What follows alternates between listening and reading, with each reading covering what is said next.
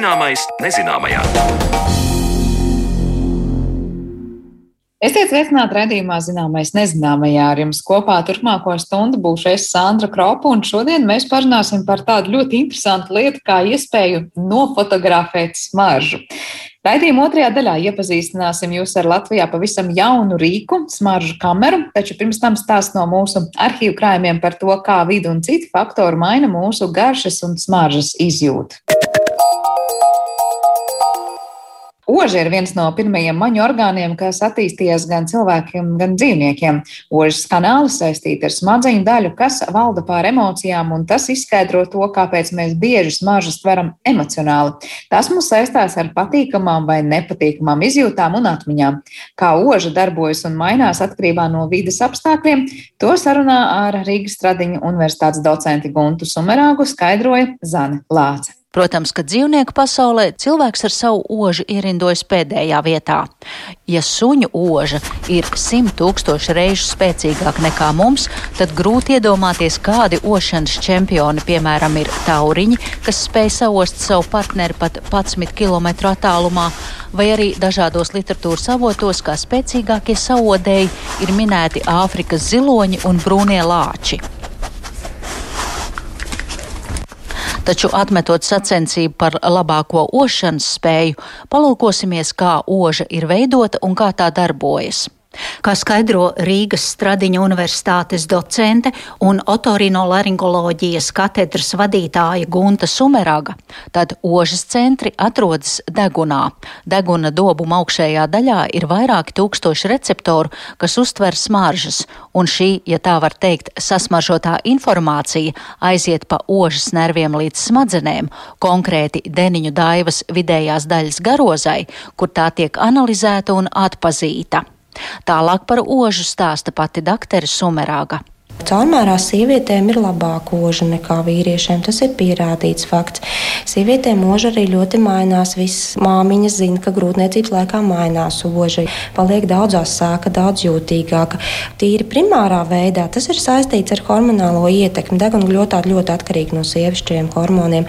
Atkal tādā caurmēlā cilvēks izdzīvošanas ziņā arī, protams, tas bija sava aizsarga funkcija, lai šī sieviete, grūtniece, ja viņai būtu vairāk šīs maņas, vairāk izvairītos no kaut kādiem potenciāliem apdraudējumiem, ja, un, un tādā veidā. Mainās oža, protams, ar vecumu, dažādu slimību dēļ, piemēram, iesnas, ja pirmais, kas pazūd oža, tāpēc, kad aiztūkst šis rajoniņš, kas atbild par ožu, ir ļoti maziņš, ļoti augstu, un ja ir deguna tūska kļūtāts, jā, aiztūkstiet pie alerģijām, mūža mainās, jā, dažādi strādā ar kaitīgām, dažādām gaistošām vielām, bet savukārt labā ziņa tāda, ka principā ožu var atjaunot un ožu var uztrenēt.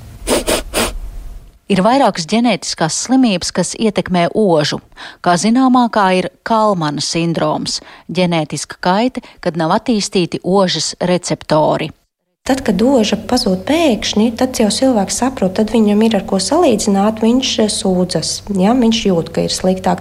Ja oža pazūd pakāpeniski, vai ir arī cilvēki iedzimti, kuriem nav nekad bijuši ožas recepti, viņi nemaz nezina, viņi brīnās, viņiem nav sūdzību, viņiem liekas, ka viss ir labi līdz brīdim, kad viņi ievēro, ka kolēģis vai draugs iedod pasmaržot kaut ko, un viņš nejūt neko. Bet šiem cilvēkiem viņiem nav sūdzība par to. Viņa dzīve ir laba un kvalitāte nav zaudēta salīdzinot ar cilvēku, kuram ir bijis laba oža, un pēkšņi kaut kādu iemeslu dēļ viņam šī ožas ir samazinājusi vai, vai zudusi. Tas nozīmē, ka piedzimst cilvēki ir tādi gadījumi, tā kā var piedzimt ar redzes vai dzirdes traucējumiem, tāpat ar ožas traucējumiem. Pilnībā šiem cilvēkiem oža nav, vai viņi kaut ko tomēr jūt? Nē, viņiem nav pilnībā, viņiem nav ožas receptoru kā tādu. Bet garšas sajūta, vai tas arī ietekmē garšas? Nē, viņiem garšas sajūta ir ļoti laba, jā, nu, tur nav traucējumu ir pierādīts, ka tie cilvēki, kuriem ir traucēta oža, ko parasti arī ārsts dod rekomendācijas, viņiem ir lielāks risks saindēties ar ēdienu, jo viņi nesajutīs, ka viņš ir ieskāpis, varbūt ierūdzis. Viņiem mēs dodam rekomendācijas ne tikai brīdinam, ne tikai to, ka, ko visi tā kā laikam zina par to, ka gāzi viņi var nesajust šo gāzes smaržu, kaut kur ir gāzes noplūda, bet arī, arī jābūt ļoti uzmanīgiem ar ēdienu, ja un šaubu gadījumā varbūt neēst šo ēdienu, ja viņš ir. Ja varētu būt teiksim, nu, svaigs ēdiens. Viņi nevarēs ar smaržas palīdzību atšķirt, vai viņš ir bojājies vai nē. Kā jau jūs minējāt, oža ar garšu ir saistīta. Un, ja mēs runājam par smēķētājiem, smēķētājiem garšas izjūta ir traucēta. Kā tas ir ar ožu? Vai arī? Jā, oži, protams, tāpēc, ka jebkas, kas bojā degunu gļotādu, tas skaitā smēķēšana, jo mēs ieelpojam smēķējot tātad šīs dažādas daļiņas, dārvas, putekļus, kas bojā gļotādu, epitēliju un tā skaitā receptors, un tā skaitā arī pasīvā smēķēšana, ja, ja tātad kāds ir, kas smēķēja blakām.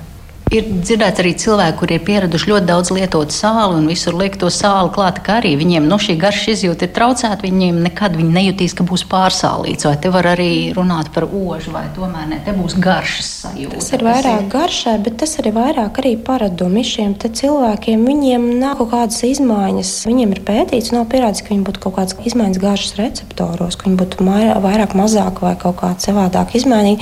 Tas vairāk ir paradumi arī tāpat kā cilvēki, kuriem teiksim, patīk ļoti stipri sasmaržoties, un citiem atkal ļoti ir atkal tas tāds individuālais jūtīgums. Runājot par gaisa temperatūru, vai mans apgalvojums būtu pareizs, ka man šķiet, ka pie augstākiem grādiem, proti, tad, kad ārā ir siltāks, ka mēs vairāk izjūtam smaržas nekā, piemēram, augstā laikā. Lielāka nozīme nevis temperatūrai, bet mitrumam. Ja gaiss ir mitrāks, jā, tad mēs vairāk, labāk saužam, jā, un, ja ir gaiss atkal sausāks, tad ir sliktāk. Atkal, ja cik mums mitrākas gļotādes, cik tas viss izsausina, jeb samitrina gļotādes mums. Vai deguna forma arī kaut kā ietekmē ožas izjūtu? Nav tā. Vienalga var būt maziņš deguns vai uzrauts vai liels deguns ar platām nāsīm. Tas nebūs tā, ka tas liels degunis krasāk sajutīs vairāk smaržas nekā mazs. Nē, degunis. tas galīgi nav tā. Nē. Jūs minējat jau tas, ka smēķēšana ietekmē gan garšu, gan arī ožu. Kā tas ir, ja mēs runājam par tādām vidēm, kur cilvēkiem darba dēļ ir ilgstoši jāatrodas, kur ir ļoti piesātināta ar dažne, dažādiem aromātiem vide, piemēram, parfimērijas rūpniecībā vai saldumu ražošanā augu dienas cilvēku apņems šokolādes smārts vai fermā, piemēram, vai arī šie aromāti, vai tie ietekmē cilvēku ožu?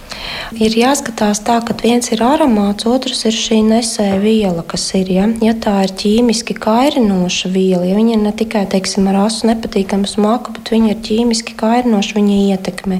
Ja šī smaka ir nepatīkama, teiksim, kūtu smaka, bet viņa nav tādus, ka tur būtu no akurāti, ja nav pie šiem izkārnījumiem blakus.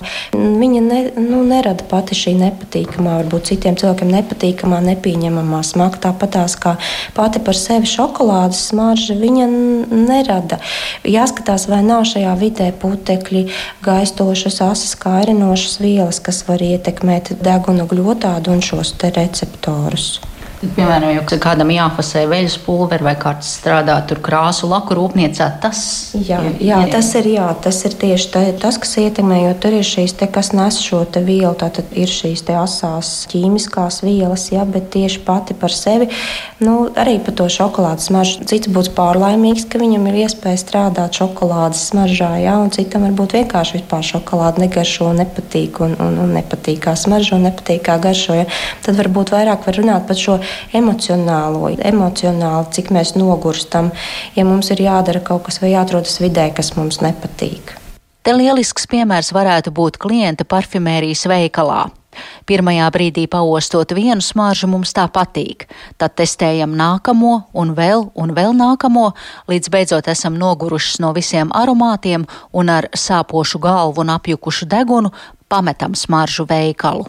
Tas ir vispār no fizioloģijas, kā veidojās šī receptors.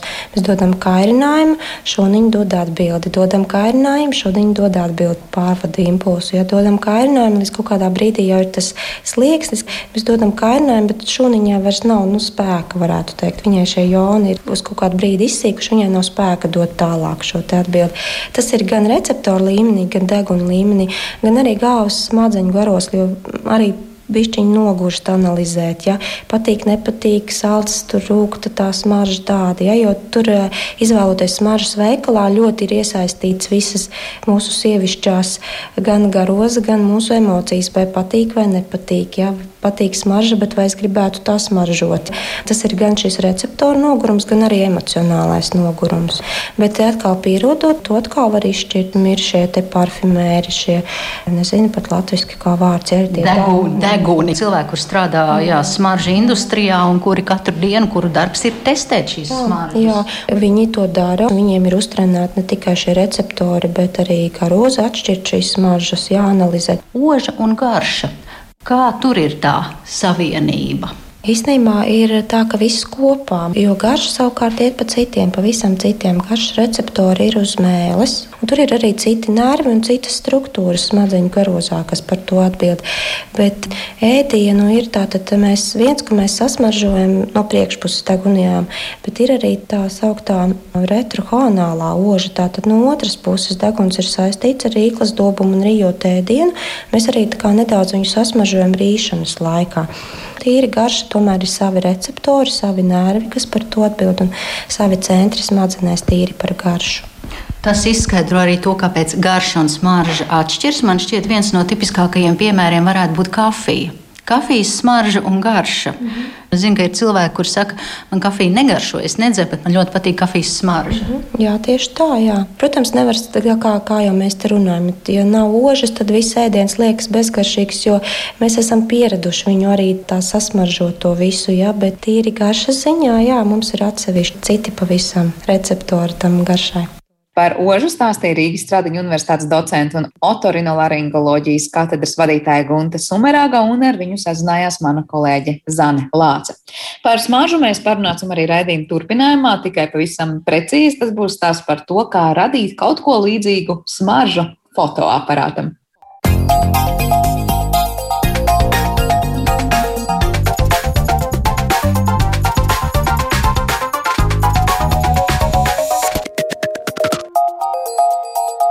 Zināmais nezināmajā. Latvijas uzņēmēji aicinot tālāk pētniekus no Latvijas Universitātes un Rīgas Tehniskās Universitātes radījuši unikālu mobīlo smaržu kameru, kas ļauj fiksēt un uzglabāt dažādas smaržas. Kā tas notiek un kādiem mērķiem šāda iekārta būtu nepieciešama, par to tad, nu, mēs runāsim raidījuma turpinājumā, jo sarunu mūsu attālinātajā studijā esam aicinājuši uzņēmuma Sent kamera eh, vadītāju Sandri Mūriņu un šī paša uzņēmuma tehnisko direktoru Mārcis Sējēju. Labdien jums abiem! Ja, sveiki! Varbūt jūs jums atklājat, kas ir šī smaržu kamera, kā tā izskatās un kādam nolūkam ir, es saprotu, no jau arī radīt, vai vismaz savus pirmos soļus spērus. Sākšu varbūt Sandra ar jums. Tas nolūks ir, ir mm, tas mērķis ir tāds, ka mēs gribam ļaut ikvienam, ikvienam, ikvienam smaržu mīļotājam ierakstīt, smaž, ierakstīt smaržas tikpat viegli, cik ierakstīt bildes vai audio failus. Tā, tas ir mūsu pamatmērķis. Mēs uzskatām, tas, ka arī smarža kā mēdījis ir, un kā maņa ir pelnījusi savu tehnoloģiju. Kāds šobrīd izstāsta? Šobrīd izstāsta tāds liels, liels, liels koferis, bet uzreiz jāatzīst, ka šis koferis ir tikai tehnoloģisks prototyps. Uh, Un mēs šobrīd drīz cerams uzsāksim darbu pie dizaina, un pēc tam jau pie, pie teiksim, šajā mūsu dizaina maketā ielikt, pie tehnoloģijas ielikšanas. Tas, ko es varu pateikt, pilnīgi droši, ka mēs izdarīsim visu, lai, lai šī, šī ierīce būtu ļoti maza un kompakta, kompakta un lietotājiem pievilcīga. Vēl viens jautājums bija, ja, kas būtu piemēram piemērs, kā viņu lietot. Un, piemēram, tur būs vairāk piemēru. Viens piemērs ir tas, ka nezinu, tu aizbrauc, piemēram, uz Spāniju e, ekskursijā, un tur atrod nejaušām e, ļoti skaistas, smažojošas puķis, kādas Latvijā nav. Tu vienkārši ieraksti šo smažu, aizved, atbrauc atpakaļ Rīga, uz Rīgu. Vai nu tu gribi pēc pāris nedēļām uztaisīt balīti saviem draugiem un parādīt, kāda tur ir smarža, kā, kāda unikāla smarža tu esi ierakstījusi un, un ar ko tu sastapusies. Vai arī varbūt tu gribi pēc, nezinu, pēc sešiem, septiņiem, astoņiem mēnešiem atgriezties atmiņās par Spāniju un, un kaut kādā veidā vēlreiz piekļūt eh, šai smaržai. Un tā var teikt, ir tā kā iekonservēta, tāda, kāda tā ir bijusi ierakstīšanas brīdī. Ja? Tad, eh, jebkurā brīdī paņem un iesmaržo atkal. Jā, nu izklausās tiešām ļoti, ļoti interesanti. Varbūt Mārcis ir vēl kāds piemērs tam, kā ilustrēt, kas ir šī smaržu kamera un kā tā izskatās. Jā, konceptuāli viņi ir uh, relatīvi vienkārši, kad uh, mēs noteiktu laiku sūknējam uh, teiksim, tādā kā kambarī, kas ir pildīts ar noteiktu savienojumu gaisu, un mēs spējam uh, akumulēt uh, lielākā koncentrācijā tās smaržu veidojošos savienojumus un uh, viņus saglabāt tur. Viņi kā sorbējas uh, iekšā, pieķerās tam savienojumam klāt. Un, uh, jā, tad mēs noslēdzam šo, šo kambari un uh, spējam viņu pārvietot, aiznest, atstāt, nolikt plauktā, sagaidīt īsto brīdi, kad mēs gribam uh, atgriezties atmiņās. Un uh, tad uh, par noteiktu procesu mēs spējam viņus atbrīvot. Bet cik ilgā nu, posmā mēs varam teikt, tā smarža saglabājas? Tas ir kaut kas, ko tiešām tur Spānijas eh, atvaļinājuma laikā ierakstīja smaržu, un es nezinu, kaut kad ziemā pēc tam vai pēc gada pasmaržoja, vai tur ir kaut kas, kas ierobežo, nu, cik ilgs laiks ir pieņemams vispār, lai to smaržu pēc tam atreanimētu? Jā, tas ir uh, labs jautājums, un ar to mēs arī plānojam uh, nodarboties padziļinātāk. Bet pirmie teiksim, pilota testi, ko mēs esam veikuši, ir, ka to var pāris mēnešus mierīgi arī uzglabāt. Protams, tas var būt arī atkarīgs no tā, kāda smarža tiek saglabāta. Jo atsevišķām smaržām, atsevišķas smaržas veido atsevišķu savienojumu, ir atsevišķas īpašības.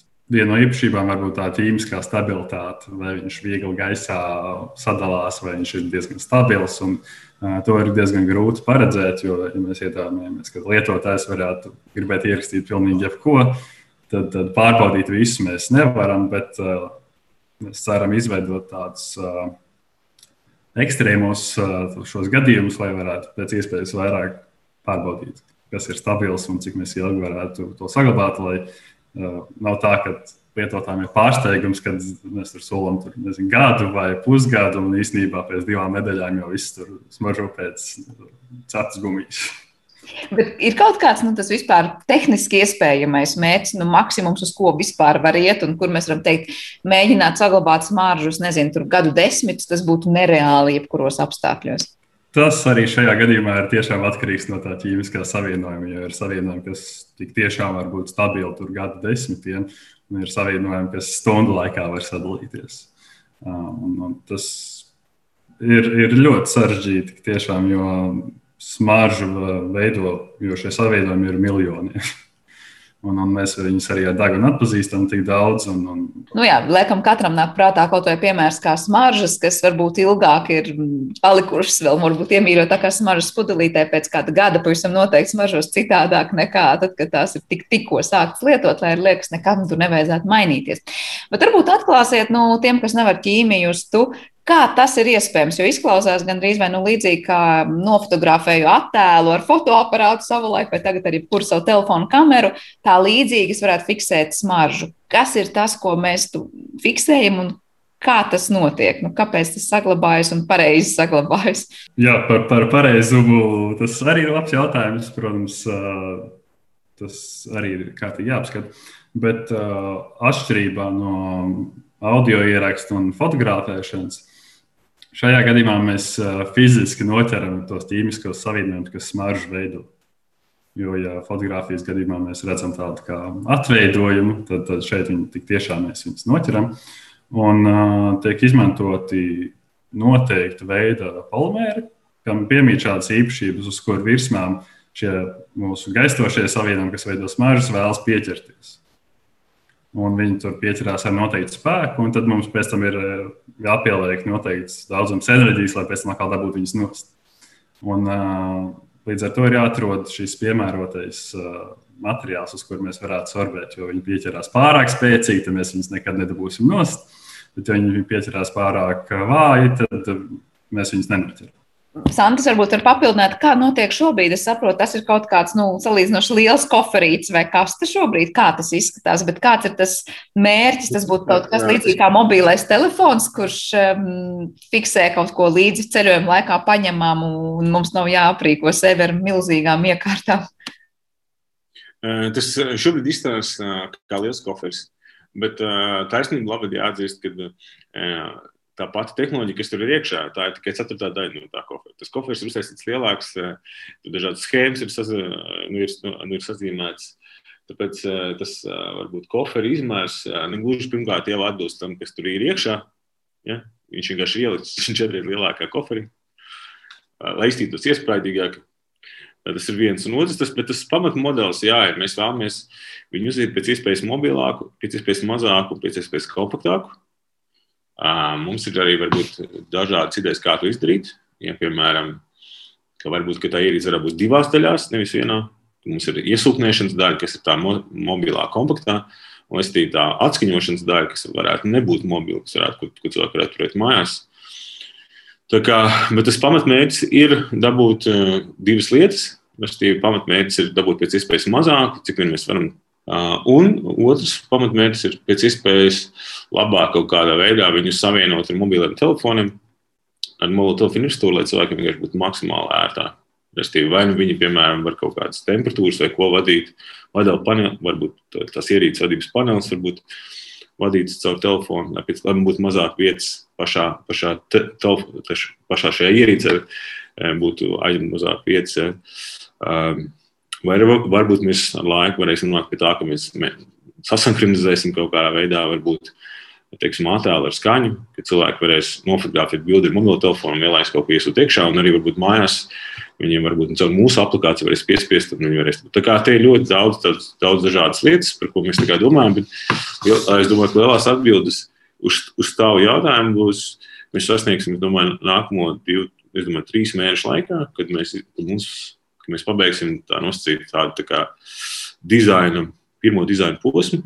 Un šajā posmā mēs sadarbosimies tieši ar potenciāliem lietotājiem, lai tikai no viņa perspektīvas vien uzbūvētu ierīci, kas viņiem šķistu ļoti, nu, ļoti, e, ļoti svarīga un ļoti būtiska.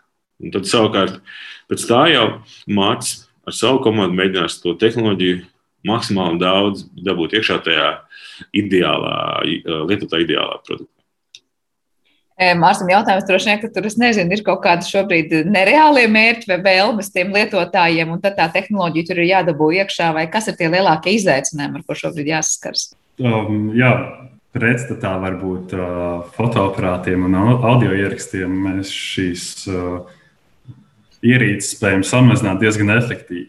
Un uh, ierobežojumi ir tīri fizikāli, kas ir tranzistori kuras var uztaisīt ļoti, ļoti maziņas.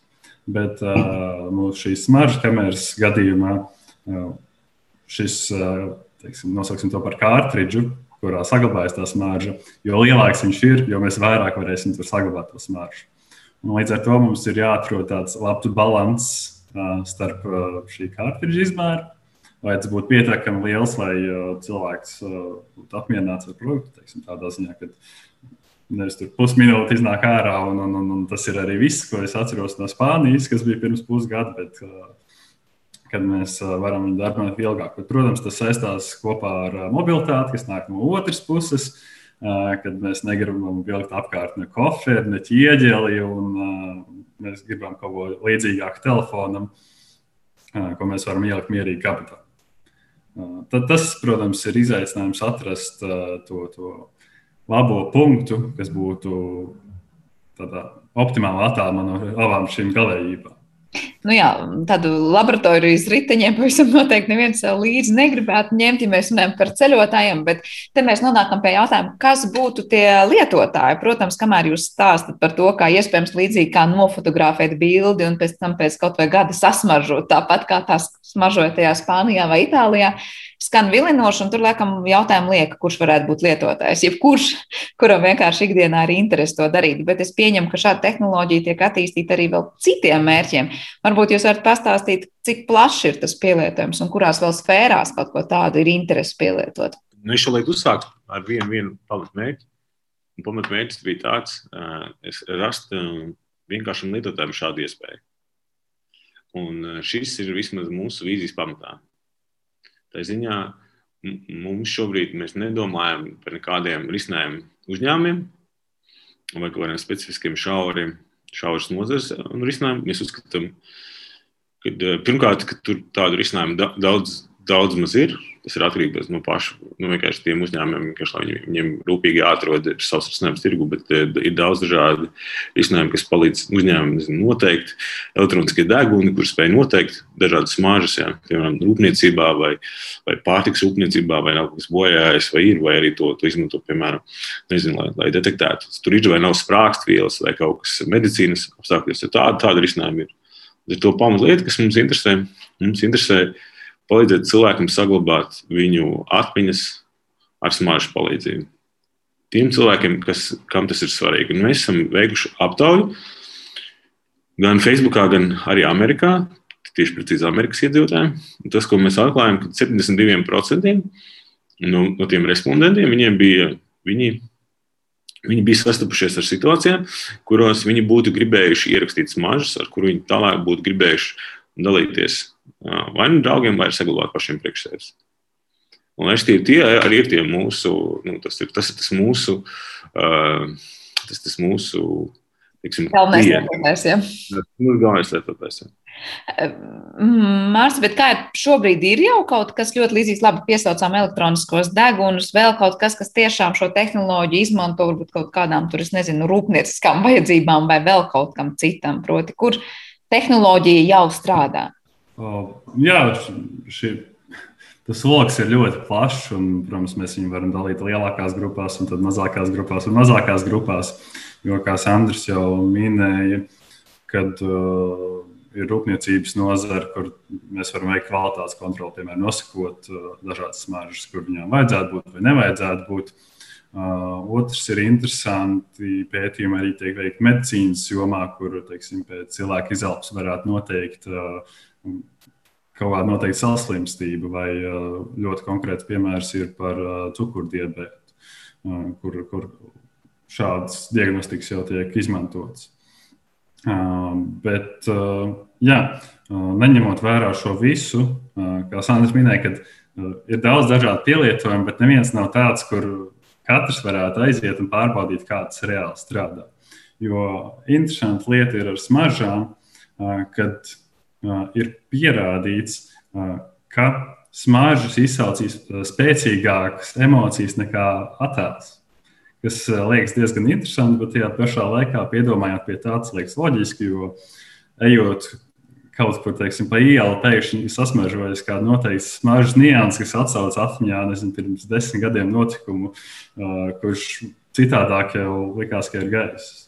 Un tam ir tīri fizioloģisks iemesls, ka smaržu nervi ir tieši sasaistīti ar emociju centriem smadzenēs. Turpretī attēla signāli iet cauri teiksim, tādu regulējošu smadzeņu daļu, kas var slāpēt šīs emocijas.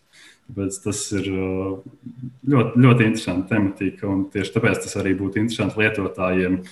Bet cik tālu nākotnē ir, lai mēs tiešām saņemtu tādas bildes ar smaržu, par ko Sandrs jau minēja? Nu, protams, mēs arī varētu varbūt, atvērt savā telefonā bildi ar, es pieņemu, konkrētu aplikāciju un sasmažot, kā tā smaržo. Jā, par pašu bildi, tā, tā bija ideja, ko es nevaru pateikt. Es nezinu par to, bet, bet mēs, mēs vēlētos, mēs, mēs, mēs ļoti, ļoti vēlētos, ja mums viss notiks ļoti raiti, vai ne? Ja notiks tāds pilnīgi sakritīs visas zvaigznes, tad līdz gada beigām ļoti labi, ja mums būtu pirmie produktu prototipi. Jo līdz šim mums ir tehnoloģijas prototyps. Un tas nozīmē, ka nākamā gada vidū visdrīzāk pirmie lietotāji jau varētu izmēģināt mūsu ierīci. Tas būtu tāds, manuprāt, tāds visoptimistiskākais scenārijs, bet arī, ja viss sakrīt, arī, arī ar diezgan lielu iespēju, ka mēs to varētu izdarīt. Bet tas ir vairāk par to, lai viņi varētu vienkārši ierakstīt smaržu un pēc tam to pašu atsaukt, var teikt, atmiņā šīs ierīces palīdzību. Te mēs vēl nerunājam par konkrētām bildēm un to sasaist kopā ar smaržu. Par bildēm es domāju, tas ir tas gan, man liekas, tas man nešķiet sevišķi sarežģīti. Es domāju, es pilnīgi pārliecināts, ka, un tas tā ir, kad ik viens var izveidot aplikāciju telefonā, kurā, kurā izmanto telefonu kameru Instagram izmanto, Facebook izmanto. Tad to man liekas, var izmantot tik viens, kurš vēlas iedot šādas aplikācijas. Un tad vienkārši mēs izveidot aplikāciju, kur vienlaikus iedarbinātu divas ierīces, kur pieņemsim darbinātu um, uh, telefonu kameru un vienlaikus darbinātu mūsu kamerā. Tas, tas arī būtu viss. Tas, kā, ja, tu, ja tu teiktu, ka tieši tas ir tas sarežģītākais, es teiktu, ka tas noteikti nav sarežģītākais. Sarežģītākais ir tas, ko Mārcis teica. Jā, tajā visā procesā. Restīvi, pirmkārt, viņu padarīt par iespējams mazu, lai, lai cilvēks viņu var lietot. Tas ir atbrīvot, varbūt izdomāt, lai kādā veidā visu atbrīvot no visu liekā, un vienlaikus arī dabūt tās detaļas pietiekami mazas, pietiekami izvēlēties pietiekami pareizu un labu to, to, to, to sorbentu, lai viņš pēc iespējas vairāk gadījumiem dara.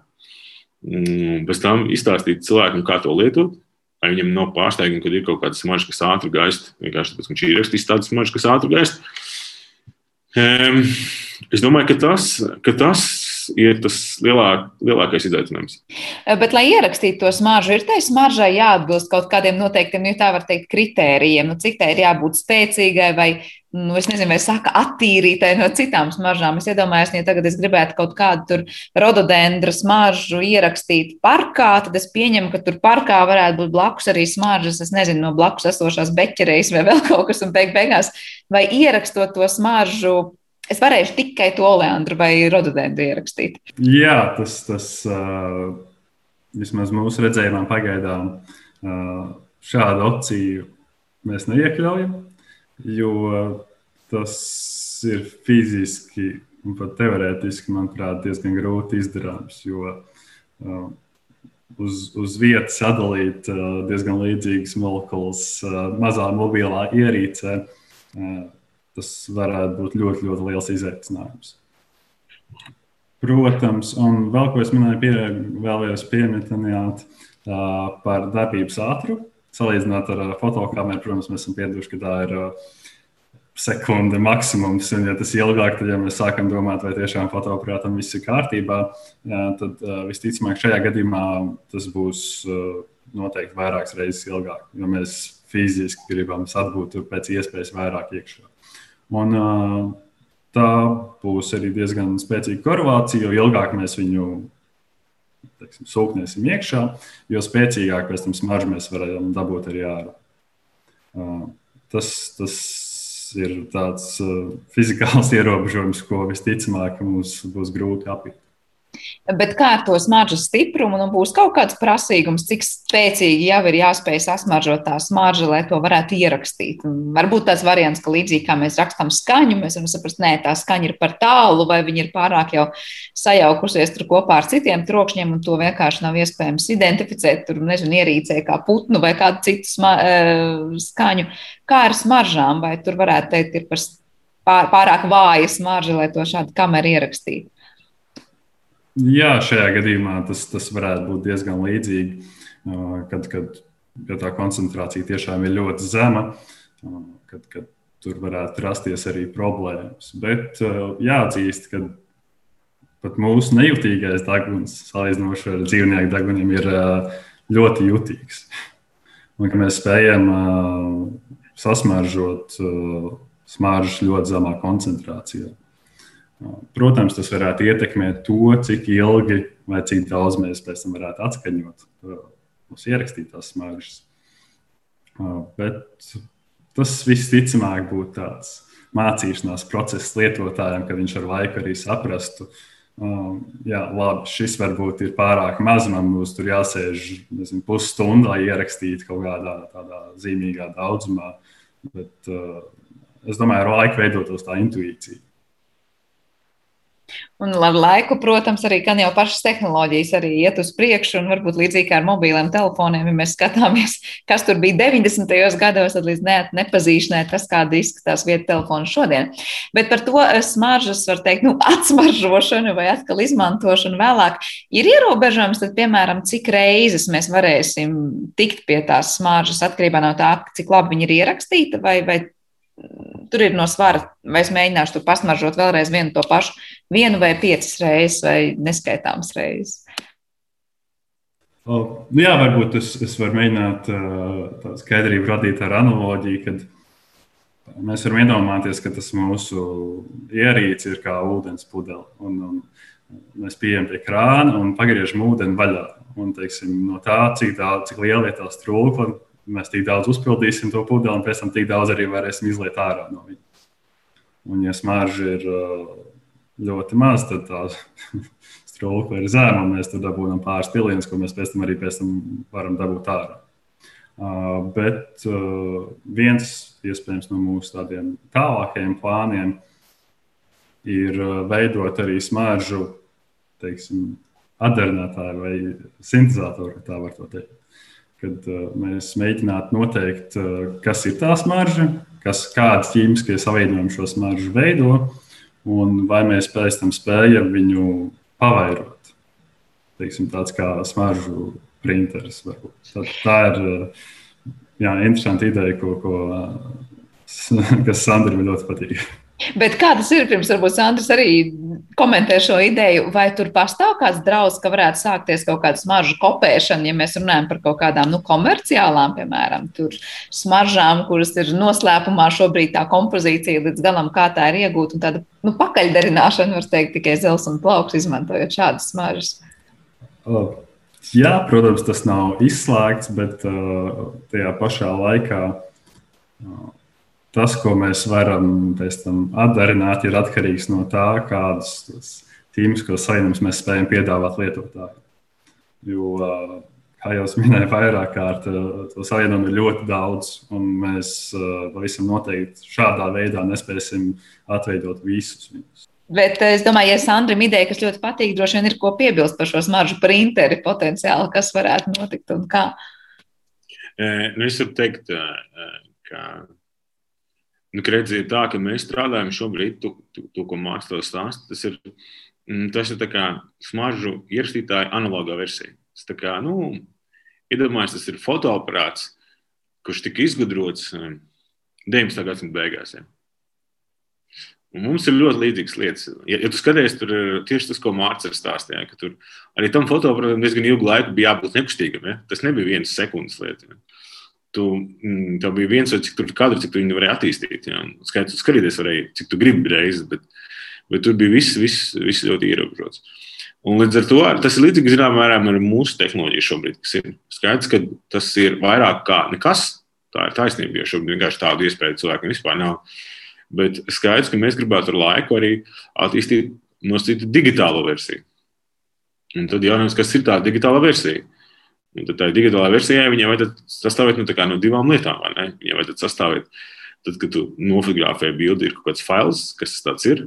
Un šajā gadījumā, ja mēs teiksim, ar mūsu ierīci mums vajadzētu pateikt, kas tā ir par smaržu, un tad ļaut kaut kādai citai ierīcei viņu maksimāli tuvu replicēt vai sajaukt. Ja, ja šajā gadījumā Ja šajā gadījumā, mūsu fotoaparāta gadījumā ir tel telefons, ja, kuram, ir, kuram ir ekrāns, tad mūsu gadījumā tam ir jābūt kaut kādam kaut kādam nezinu, printerim, sintēzēram, kurš maksimāli tuvu parāda, vai, nu, vai nostīt smaržu televizoram vai smaržu ekrānam, ja, kurš maksimāli tuvu parāda to, kas, to, kas ir bijis, to, kas, to, kas ir, to, kas, to, kas maksimāli tuvu sajauc to, kas ir reāli fiksēts. Ja.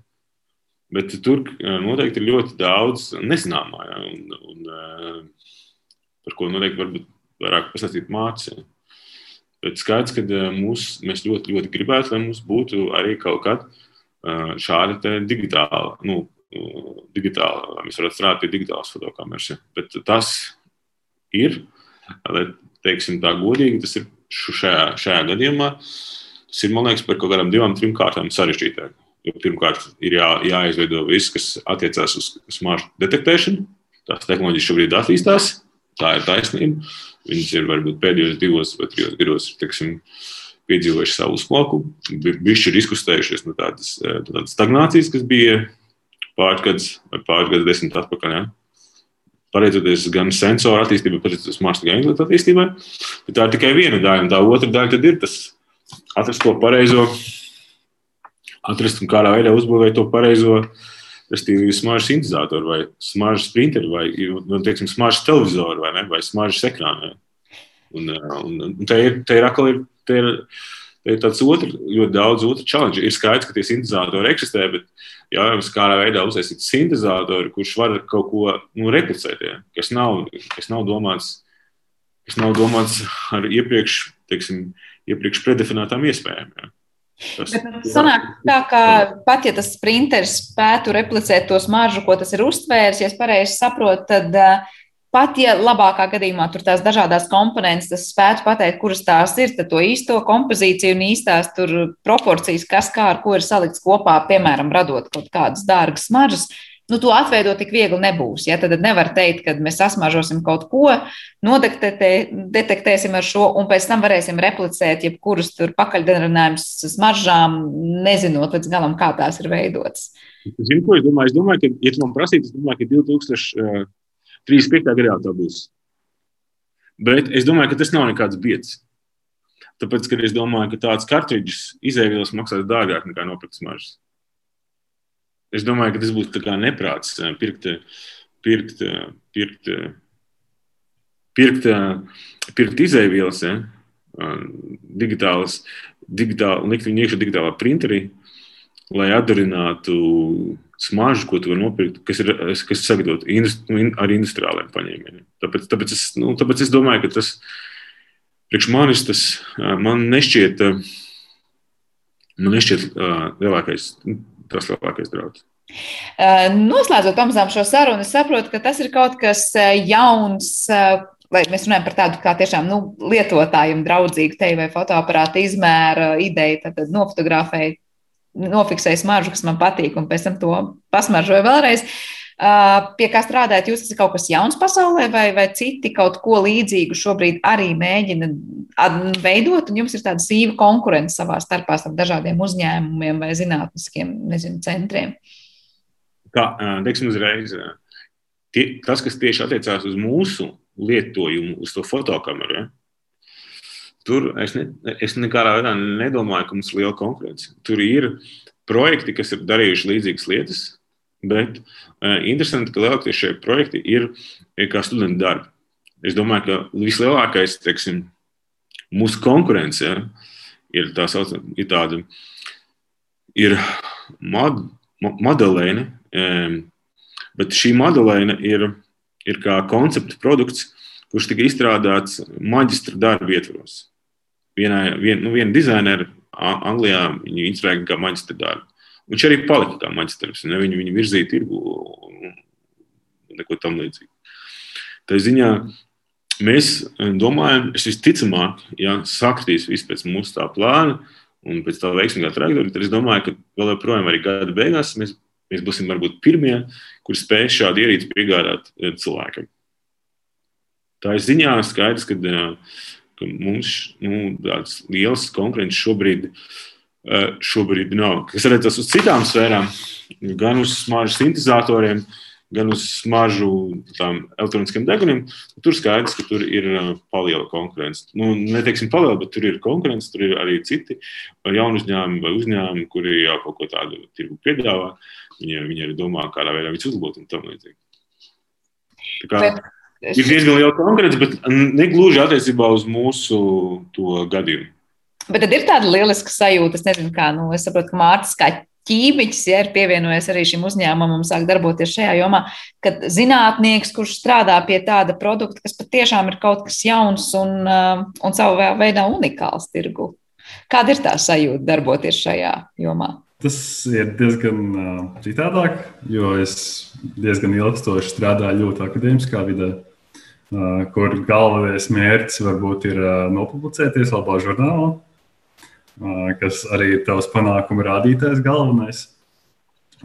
Bet tas ir diezgan atspaidzinoši un teiksim, patīkami mēģināt sasniegt kaut ko tādu taustāmu, ko arī pēc tam pats var pārbaudīt. Un, un, un tiešām ir patīkami dabūt šos taustāmos rezultātus. Nevis tikai uz papīra uzliekams, un, bet arī taustāms. Un, un vēl patīkamāk ir tas, kad saprotu, ka arī citiem cilvēkiem tas varētu likties interesanti. Un, un ir interesanti runāties ar cilvēkiem, kāds ir viņu viedoklis. Un, jā, atsaucība ir diezgan liela. Tā kā šis ir tās lielisks piemērs starp uzņēmē darbību un zinātni, kad sanāk kopā īstajā brīdī ar īsto motivāciju cilvēku un paskatās varbūt uz to, kas jauns varētu tikt piedāvāts tirgū, un varbūt tiešām tāds lielisks idejas, kas tikai spēr savus pirmos soļus.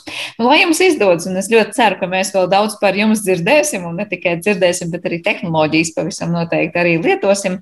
Bet šajā reizē es teikšu lielu paldies mūsu sarunas dalībniekiem un atgādināšu, ka mūsu attālinātajā studijā šodien viesojās uzņēmuma Sentkamera vadītājs Sandris Mūriņš un šī paša uzņēmuma tehniskais direktors Mārcis Sējais. Ar to arī šīs raidījums ir izskanējis. Ar jums kopā bija Sandra Kropa un par šo raidījumu parūpējās arī producents Armīta Kolāta un mūzikas redaktors Girds Bišs. Lai mums visiem jauka diena un uz tikšanos!